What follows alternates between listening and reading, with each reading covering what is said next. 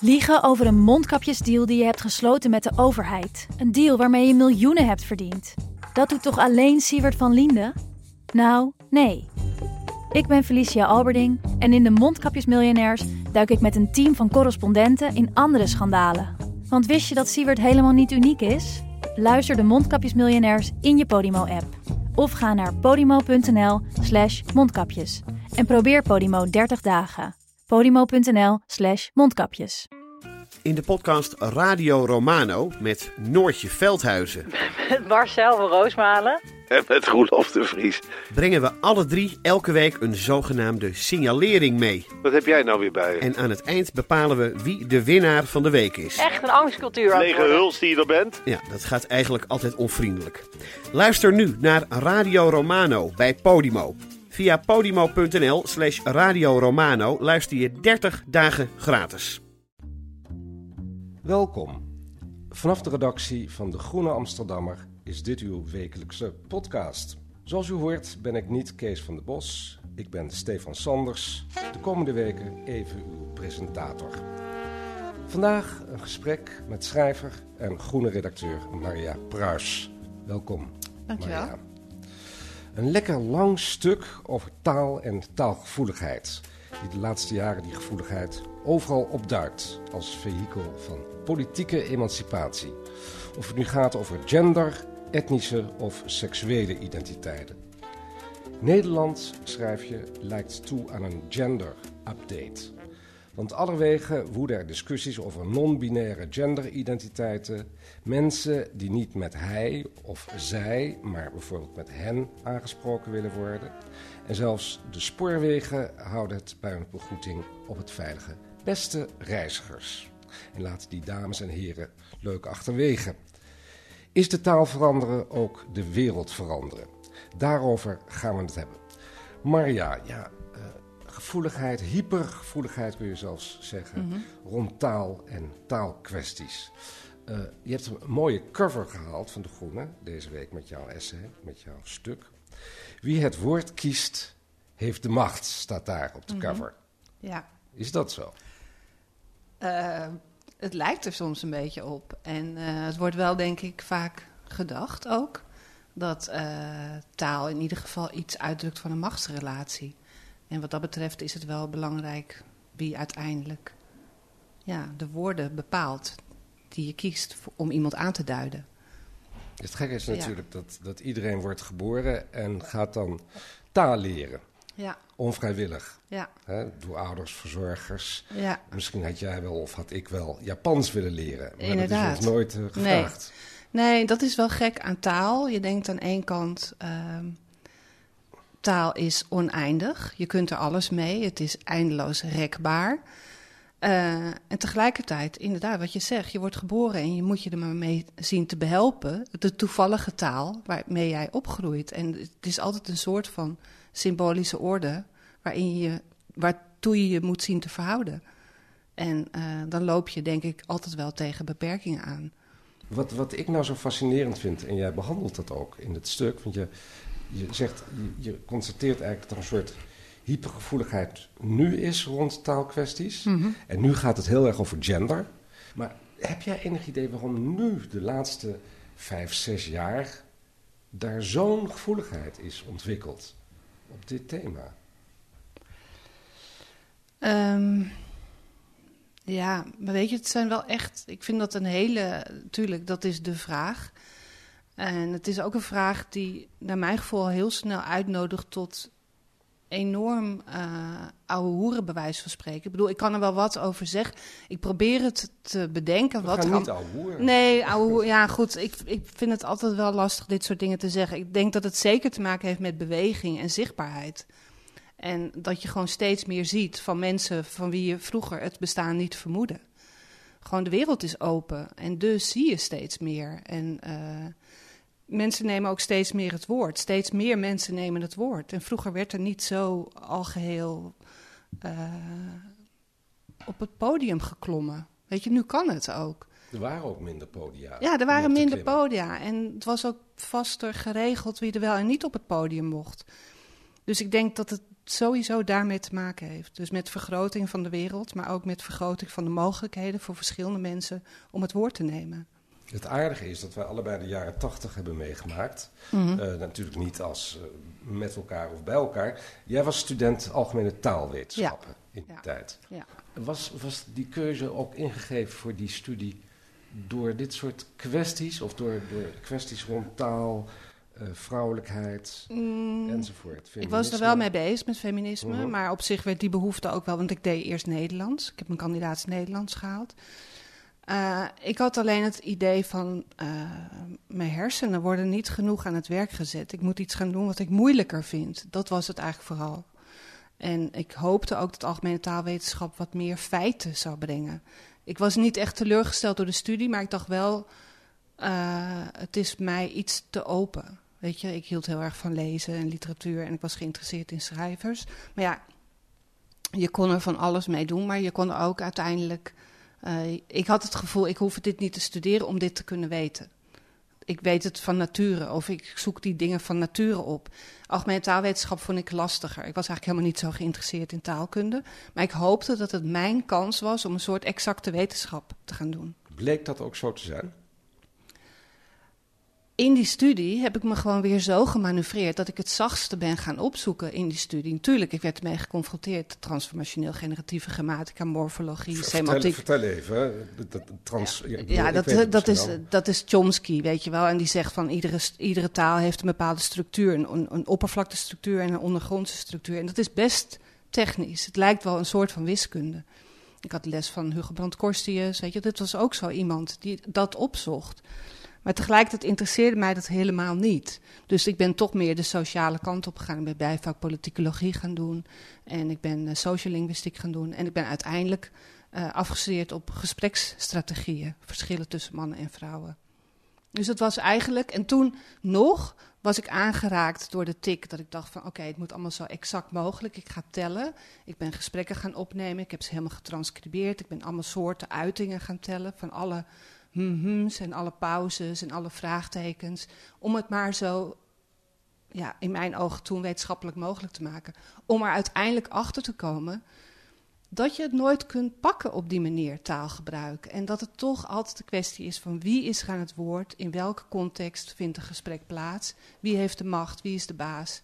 Dus als een baas tegen jou zegt van zullen we dit doen, dan is dat heel wat anders dan als een, uh, weet ik veel, een ondergeschikt iemand dat vraagt. Dan heeft was, een heel ander je, effect. was je heel erg aan het zoeken naar, ook dus, dat heette toen nog, seksenverschillen in gesprekken? Helemaal, ja. helemaal. Ik dacht dat daar de oplossing van de wereld in zou liggen. Ik bekeek de wereld vanuit het seksenverschil. Ik dacht, man-vrouw, dat is de dichotomie. Daar wordt alles door verklaard taal is nu gewoon een patriarchaal instrument. Zo dacht ik toen. Ja, het is niet schandelijk. Er waren ook veel meer uh, vrouwen vooral. Ja, het viel toen. Het was niet voor niks dat ik dat dacht. Ja. Waar gewoon, ik zat wel in een groep van mensen die dat ook dachten. Dus dat was best op een bepaalde manier comfortabel. Zelfs comfortabel dat je wist van wij zijn de tegenkracht. Wij snappen het. Ja. Die andere mensen nog niet. En het gekke is nou dat jullie waren toen de tegenkracht. Uh, en dat was een relatief klein clubje, neem ik aan, mm -hmm. uh, binnen die algemene ja. taalwetenschappen. Ja. Nu zie je dat zeg maar, die hypergevoeligheid rond taal en taalkwesties niet alleen speelt rond gender, zoals we dat nu noemen, mm -hmm. maar ook rond etniciteit, ja. racialiteit, kleur, enzovoort, enzovoort. Hè? Dus de, in zekere zin is dat kleine clubje van toen, mm -hmm. met zijn taalgevoeligheid of haar taalgevoeligheid, een heel grote club geworden, wereldwijd. Ja. Dat is waar, ja. Dat is heel gek, ook om te merken, dat zie ik ook. En dat uh, zet me ook altijd wel aan het denken, ook over mijn eigen naïviteit toen. Zeker hoe dat zit met kleur. Weet je wel, dan lees ik nu ook stukken van, ja, de witte vrouwen zijn gewoon vergeten om de zwarte vrouwen mee te nemen. En denk ik, ja, voor ons was het al een strijd om te denken van een chirurg kan ook een vrouw zijn, maar we dachten het niet eraan. Het kan ook nog een, een zwarte vrouw zijn, bij wijze van spreken. Want ja. nog even terug naar de jaren tachtig.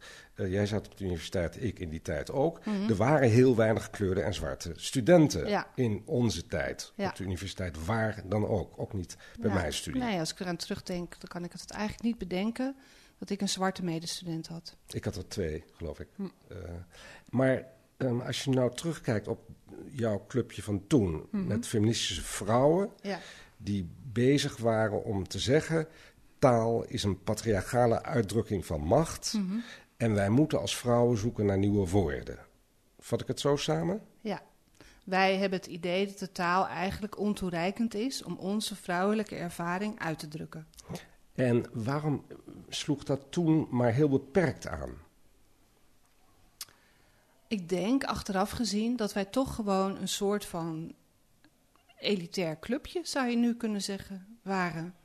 En uh, op een of andere manier sloeg dat gedachtegoed op geen enkele manier aan. En ik vind het gek genoeg nu wel eens moeilijk om te zien dat het wel aanslaat. Omdat ik denk van, goh, toen ben ik eigenlijk voor gek verklaard. Uh, publiekelijk, of tenminste in onze werkgroepen wel. En nu lijkt het zo bijna gemeen goed. Ik vind het heel, ja, het is natuurlijk ook fantastisch. Maar zoals alles kan je ook wel eens denken van, jee, uh, wat hebben wij eigenlijk zitten knokken tegen, tegen iets en toen weer laten liggen ook. Wat je zegt, dat je je toch vaak geïsoleerd voelde ja. met een klein clubje andere ja. vrouwen Ja. binnen die algemene taalwetenschappen. Ja. Hoe kun je dat beschrijven, hoe dat dan was? Hoe dat dan uh, overkwam? Uh, ja, omdat toch gewoon dat hele idee uh, dat taal en denken op die manier zo met elkaar verbonden waren. Daar, daar, werd eigenlijk heel erg aan getwijfeld toen. Het was, op, op, was toen helemaal niet gemeen goed. Terwijl nu veel meer ervan uit wordt gegaan van taal is gewoon zo'n uh, primair uitdrukkingsmiddel. Dat het nogal wat zegt. Dat je iemand ook echt oprecht kunt beledigen, bijvoorbeeld, in taal. En nu is ook veel meer gemeen goed geworden dat je laat zien wat voor soort moraal je erop nahoudt. Ik bedoel, dat heeft ook zijn vervelende kanten natuurlijk. Uh, iedereen is er veel meer van overtuigd dat je je woorden gewoon zorgvuldig moet kiezen. En dat was toen helemaal niet zo. Jij schrijft zelf in je stuk, noem je twee beroemde Amerikaanse taalkundigen uit het begin van de 20e eeuw, Edward Sapir en Benjamin Lee Whorf. Ja. En die hebben de zogenaamde Sapir-Whorf-hypothese ontworpen. Ja. Uh, iedereen weet natuurlijk wat het is, maar misschien toch niet helemaal. Dus misschien kan je ons nog even helpen. Ja, het is zo'n hypothese die eigenlijk ervan uitgaat dat iedere taal de weerspiegeling is van de aard van een volk of de aard van een natie. En dat er dus zeker een, uh, een soort van uh, grens is aan wat je kunt zeggen. Omdat taal en denken zo direct met elkaar verbonden zijn. Dus eigenlijk zeggen ze zoveel als taal is altijd een uitdrukking van je ja. sociale, psychologische, maar ook geografische omgeving. Ja, is, is dat ja, eigenlijk het wat zegt ze... iets. Bijvoorbeeld, dan heb je altijd uh, het voorbeeld van Indianentalen. Indianen die op een hele andere manier met tijd omgaan, op een andere manier naar het verleden en de toekomst kijken. En die dus een ander soort grammaticale mogelijkheden hebben om wel of niet iets in de verleden tijd te zetten. Zoiets is het. Best wel letterlijk moet je het opvatten.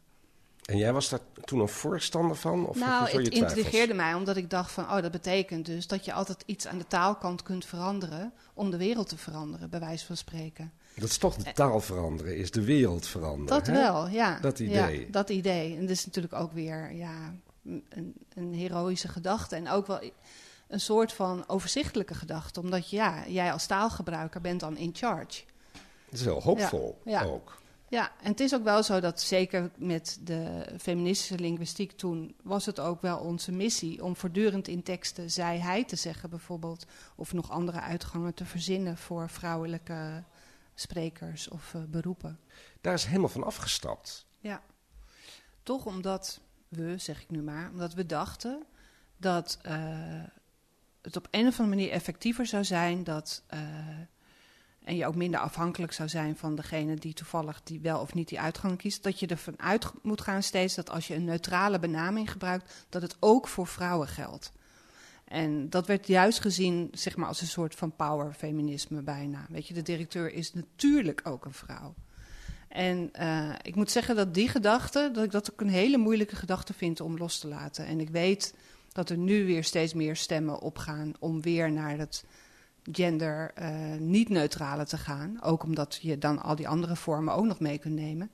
Maar uh, in ieder geval is nu toch de overheersende gedachte dat door die strategie te kiezen, dus dat genderneutrale, dat je dan eigenlijk de vrouwen juist uit het oog opnieuw verliest. En dat toch blijkt uit verschillende onderzoeken dat als, als lezers zien staan de directeur of de piloot of de treinconducteur, dan is het toch gewoon een man. Dus, uh, dus gaan nu steeds meer stemmen op om het wel weer te doen. En ik vind dat best lastig. Want het viel mij nu ook op in jouw aankondiging van mij, zeg je ook schrijver, redacteur. En ik merk ook dat ik mezelf toch liever schrijver en redacteur noem. Alsof het toch gewoon, alsof je anders kiest voor, alsof je het plaatje al beperkt op een of andere manier. Ik, ik had ook heel bewust gekozen voor schrijver en redacteur, omdat ik dacht te weten dat jij dat liever zou hebben. Ja. Dus dat klopte. Het klopt, maar aan de andere kant, ik weet dat veel uh, vrouwelijke collega's er ook zo over denken. En als ik iemand dit hardop hoor zeggen, dan wantrouw ik het toch. Dan denk ik van, hoezo? Waarom wil je er niet voor uitkomen dat je een vrouw bent? Weet je wel, is een vrouw dan toch gewoon de, de tweede sekse? Dus ja, ik weet, ik weet het nu even niet hoor. Ik, de, het schrijven van dit essay heeft me ook weer opnieuw aan het denken gebracht daarover.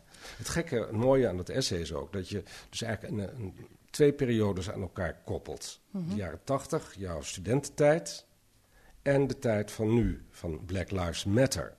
Uh, waar ook die grote taalgevoeligheid, en niet alleen die taalgevoeligheid, maar toch ook een grote gevoeligheid rond die kwesties. Ja. Rond gender, en die is veel breder nu, etniciteit, speelt. Wat is het groot verschil tussen nou, toen en nu? Toch dat brede, dat vind ik echt bijna verbazingwekkend. Dat ik me ook echt denk van hoe kan het toch dat toch in die tweede feministische golf... dat, dat heel, die hele beweging zich toch maar op een heel klein gebiedje leek af te spelen. En dat het ook nooit daarbuiten is gekomen. En dat gebiedje bedoel je, dat waren allemaal witte feministische vrouwen...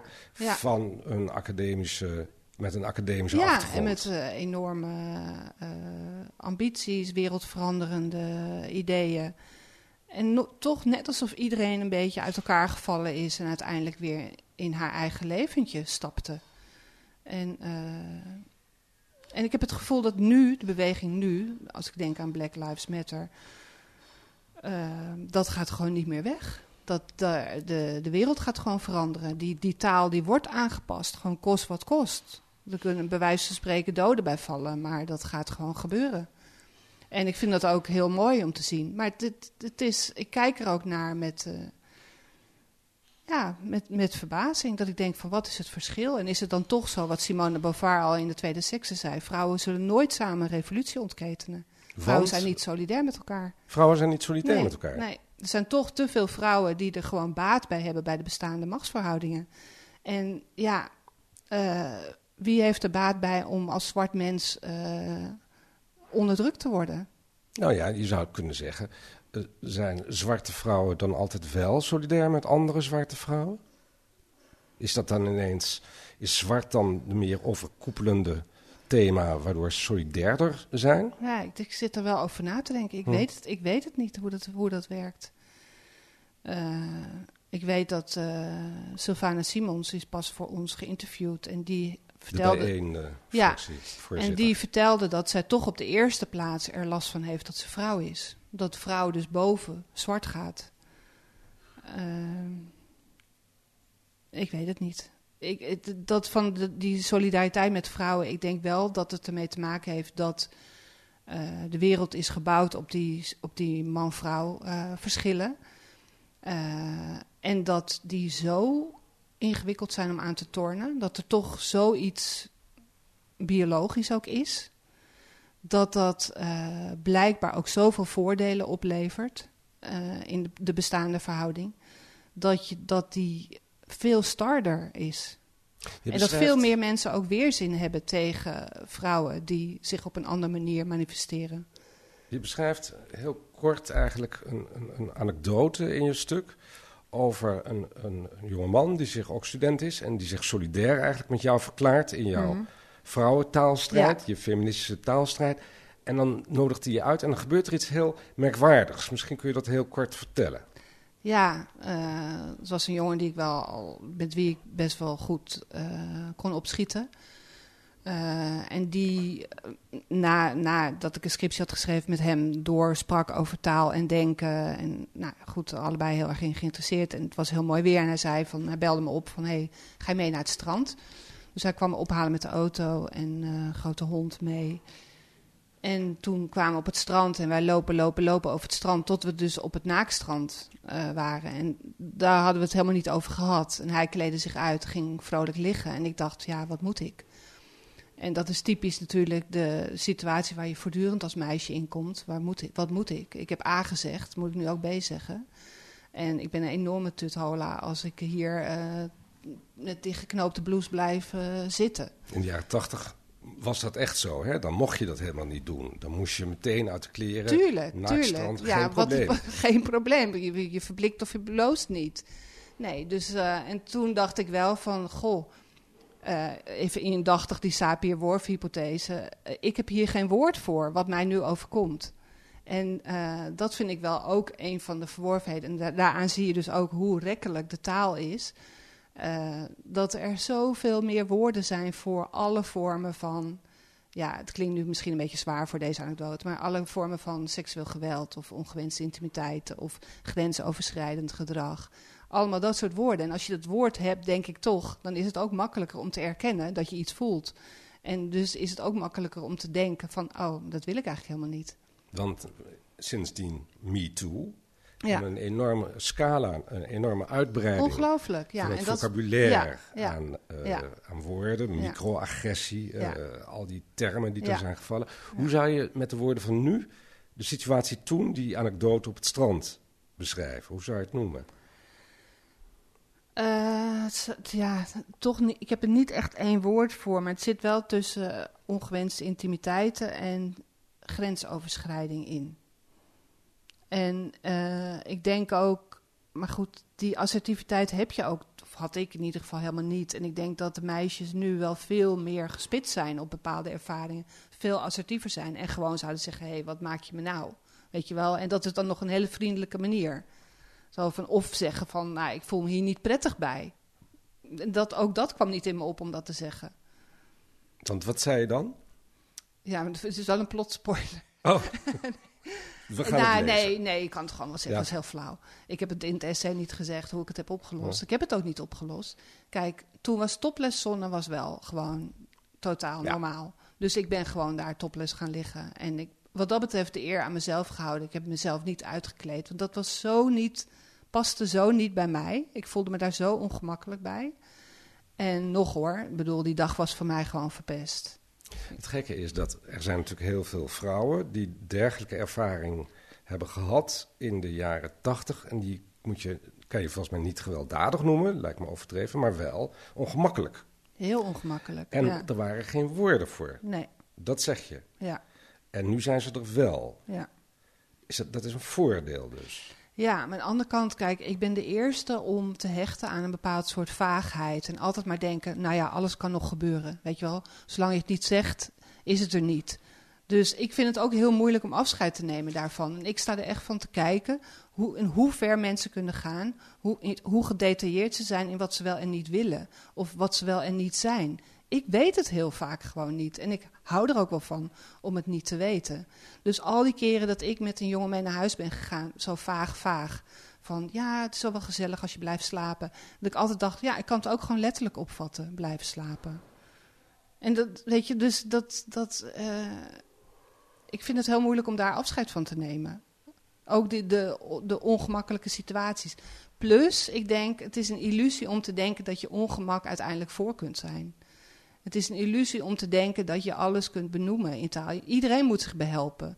Het is mijn taal niet, het is jouw taal niet, maar het is onze taal ook wel. Nou ja, zoals we al begonnen Ja. in dit gesprek. Ja. Je wordt geboren en je krijgt Ja. een taal aangereikt. En daar moet je het verder mee doen. Die kan je preciseren. Die kan je persoonlijker maken. Door, als je ouder bent, je eigen woorden te kiezen. Ja, je kan schrijver worden. Je kan schrijver worden, journalist, essayist. Je kan heel veel dingen doen. Maar er is ook een grens. Want je wil wel dat een ander, de lezer bijvoorbeeld, of de luisteraar, Mhm. jou toch min of meer kan volgen. Ja. Ja, nou ja, dit bedoel ik niet diep filosofisch, maar ik denk uiteindelijk ben je natuurlijk toch au fond onkenbaar voor de ander. En dat is misschien iets heel moeilijks om je bij neer te leggen. Maar stel je voor dat jij nu mij helemaal zou kunnen doorzien op grond van wat ik zeg. Dat zou ik ook een enorme deconfiture vinden. En jammer. Ik bedoel, ik hou wel van een beetje raadsels om me heen. Maar goed, je moet er natuurlijk geen last van hebben in je leven en belemmerd je voelen om dingen wel of niet te mogen doen. Maar voor de rest denk ik, ja, op een meer filosofisch niveau, denk ik, is het onoplosbaar. Misschien moeten we wel concluderen dat het geheim nooit transparant is, ook niet in de taal. En dat er iets mysterieus, iets geheimzinnigs is in die taal, tussen ons, tussen mensen, dat wij ook nooit kunnen oplossen. Zou dat zo'n erge conclusie zijn? Nee, helemaal niet. Nee, we moeten ons zien te behelpen. En het is heel mooi. Ik bedoel, het is nogal een onderwerp ook hè, voor heel veel schrijvers en uh, essayisten. Van hoe vind je de woorden om precies te zeggen wat je wil zeggen? En dan nog mag je hopen dat de ander je begrijpt. En dan nog is het maar de vraag of anderen niet hele andere connotaties, ideeën ja, hebben. Het bij ergste woorden, is, het ergste is denk ik, en dat is nu wel aan de hand, en dat is ook wel. Ik vind het goed dat mensen op hun hoede zijn. Ik ben zelf ook wel op mijn hoede. Tegelijkertijd, ik wil ook niet bang zijn of zo om taal te gebruiken. Ik bedoel, mensen mogen mij ook zeggen van, hé, hey, je vergis je, dat is niet het goede woord. Maar nu is het wel heel snel, denk ik, dat iemand je gewoon bij wijze van spreken al de kop wil afhakken omdat je het verkeerde woord zegt. Nou ja, wat, wat mij zelf heel erg interesseert, vooral in die zwart-wit discussies, mm dat heb ik natuurlijk ook persoonlijk direct mee te maken, is dat ik me heel goed kan voorstellen dat mensen graag woorden willen zeggen en benoemen zoals ze zelf aangesproken willen worden. Mhm. dat, dat, snap ik heel goed. Uh, moeilijker vind ik het als mensen gaan voorschrijven aan andere mensen hoe zij moeten spreken in het algemeen. Ja. Uh, nou ja, ik, ik, weet niet hoe jij daarover denkt. Ja, ja, maar aan de andere kant denk ik, want je ziet nu wel vanuit overheidswegen ook steeds meer pogingen om daar toch richting aan te geven. Ik bedoel, het wordt heel aardig geformuleerd van het zijn adviezen, het zijn richtlijnen, weet je, het zijn geen decreten die worden uitgeschreven. En dan denk ik, goh, wat een luxe toch dat wij leven in een land waar een overheid zo ja, zorgzaam is op een bepaalde manier. Ja, misschien ben ik een aardse burger hoor. Maar ik vind dat dus een vorm van zorgzaamheid. Ja, maar je kan ook. Mensen, ik denk meteen iets anders. Ik denk, wat een gezonken cultuurgoed. In de jaren tachtig had je een klein clubje waar je deel van uitmaakte. Ja. nou, tien uh, witte feministen bij algemene taalwetenschappen.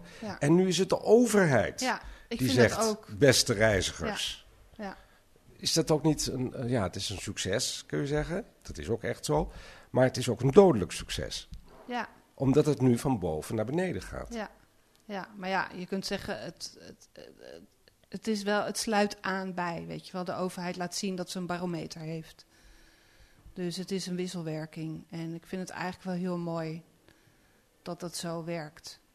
Ja, maar goed, ik, uh, ja, ook met... Uh, hoe heet het, verworvenheden van de vrouwbeweging, denk ik ook heel vaak van, goh, ongelooflijk. Ook dat er nu gewoon in de krant staat dat Rutte gewoon vrouwen interrumpeert. Denk ik, nou, zo breed is het dus al doorgedrongen, dat daar dus op wordt gelet. En dat vrouwen zich daartegen te weerstellen. Ja, ja dat staat hier ook op mijn papiertje. Uh, je had natuurlijk uh, Sigrid, je hebt nog steeds Sigrid Kaag van mhm. D66. Die had het over man-interrupting. Dus mannen die nogal ja. de neiging hebben om zodra een vrouw aan het woord is te interrumperen. Mm dat, ik ken de term niet, man-interrupting, maar je begreep eigenlijk meteen wat ze bedoelde. Ja, en dat is ook wel heel grappig, want dat was toen al, in de jaren tachtig, heel veel onderzoek gedaan, gedaan naar gespreksstrategieën van vrouwen en mannen. En interrumperen is typisch een mannelijke strategie.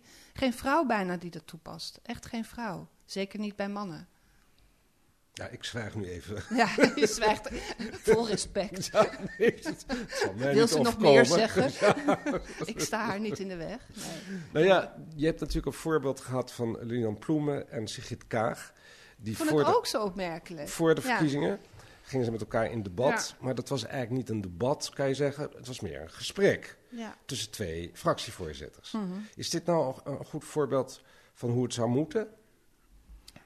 het gekke is, je wil een debat, dus je wil ook vuurwerk. Je wil ook gewoon dat mensen nu laten zien, wat is, ons, wat is het verschil? Want het was een heel net gesprek. Het was heel net. Ze zocht alleen maar naar gezamenlijk perspectief. Van, oh ja, nee, ik ken nu ook langer dan vandaag. En oh, weet je wel, Jeroen Pauw die ze dan een beetje probeert te prikkelen. Van nou, zeg even iets, iets lulligs over de ander. Nou nee, dat, dat, dat lukte ze niet. Het was wel elkaar te goed. U, na ja, u, na u, ja.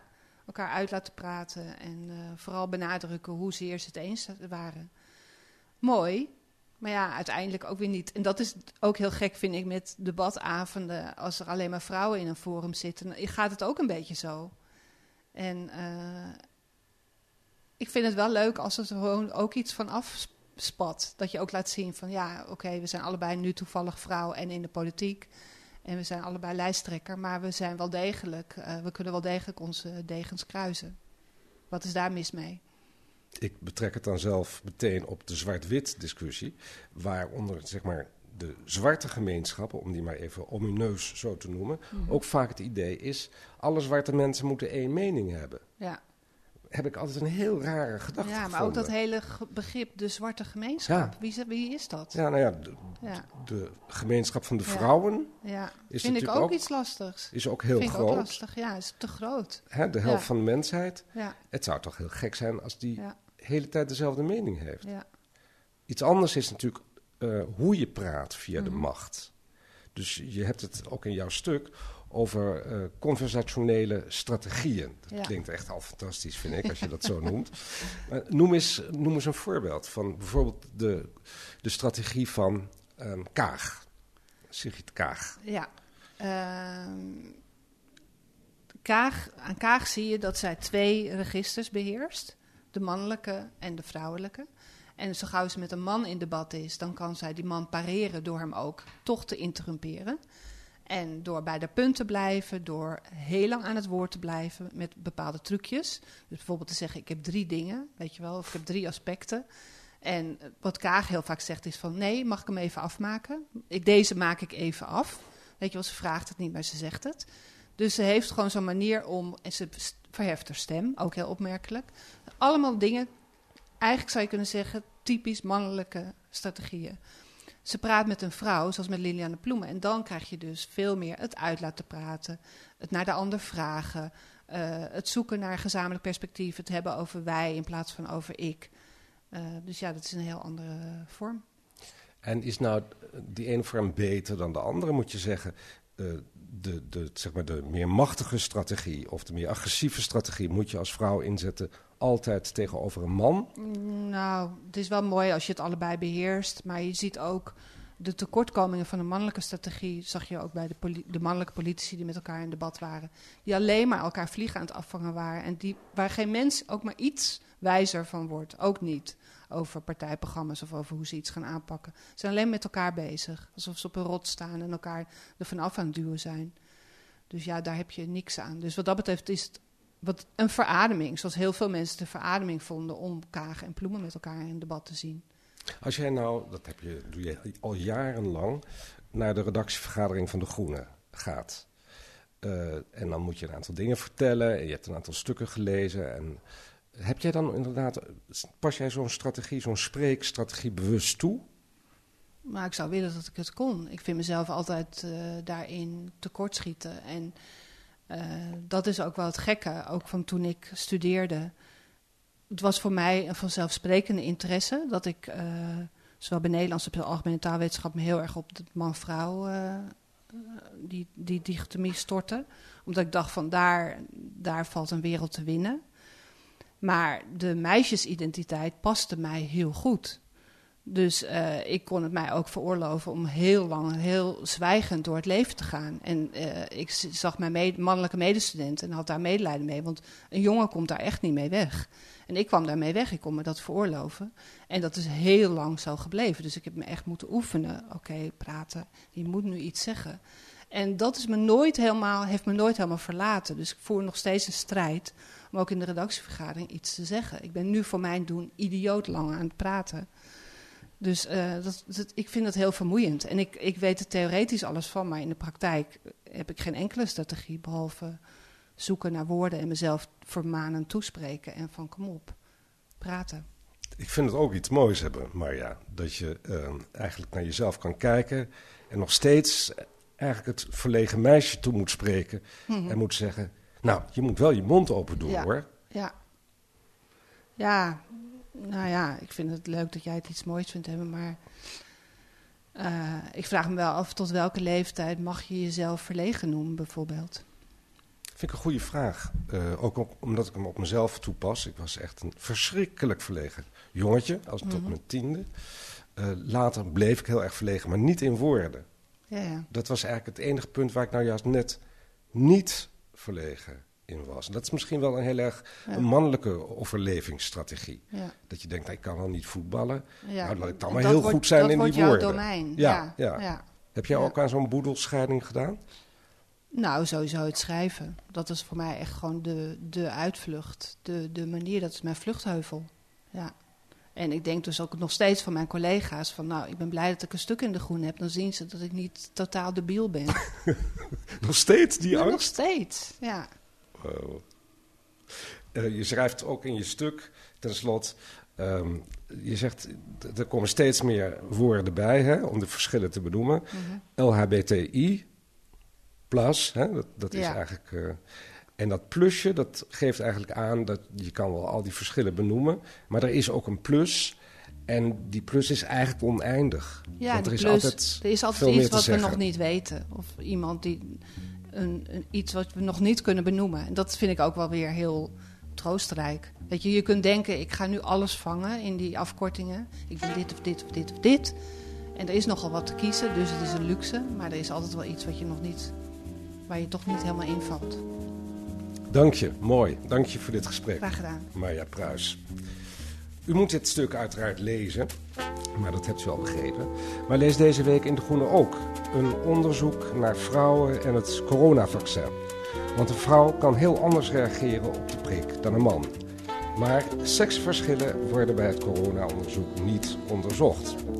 En dan verder in De Groene, hoe nu verder naar de zogenaamde rampenverkenning ten behoeve van een nieuw te vormen regering. Herman Tjenk Willink en Herman Wijfels zien toch nog perspectief. Dat kunt u lezen met een abonnement of een proefabonnement. Ga dan naar groene.nl. En oh ja, heel fijn als u sterren wilt geven voor deze podcast in uw podcast-app. Volgende week zijn we er weer met analyses en achtergronden bij het nieuws in deze podcast van De Groene Amsterdammer. Deze week werd de podcast gemaakt door Meerte Meijners, Sophie Bongers, Giselle Mijnlief en Stefan Sanders. En de eindtune die u nu hoort is A Tune for N van Paul van Kemenade.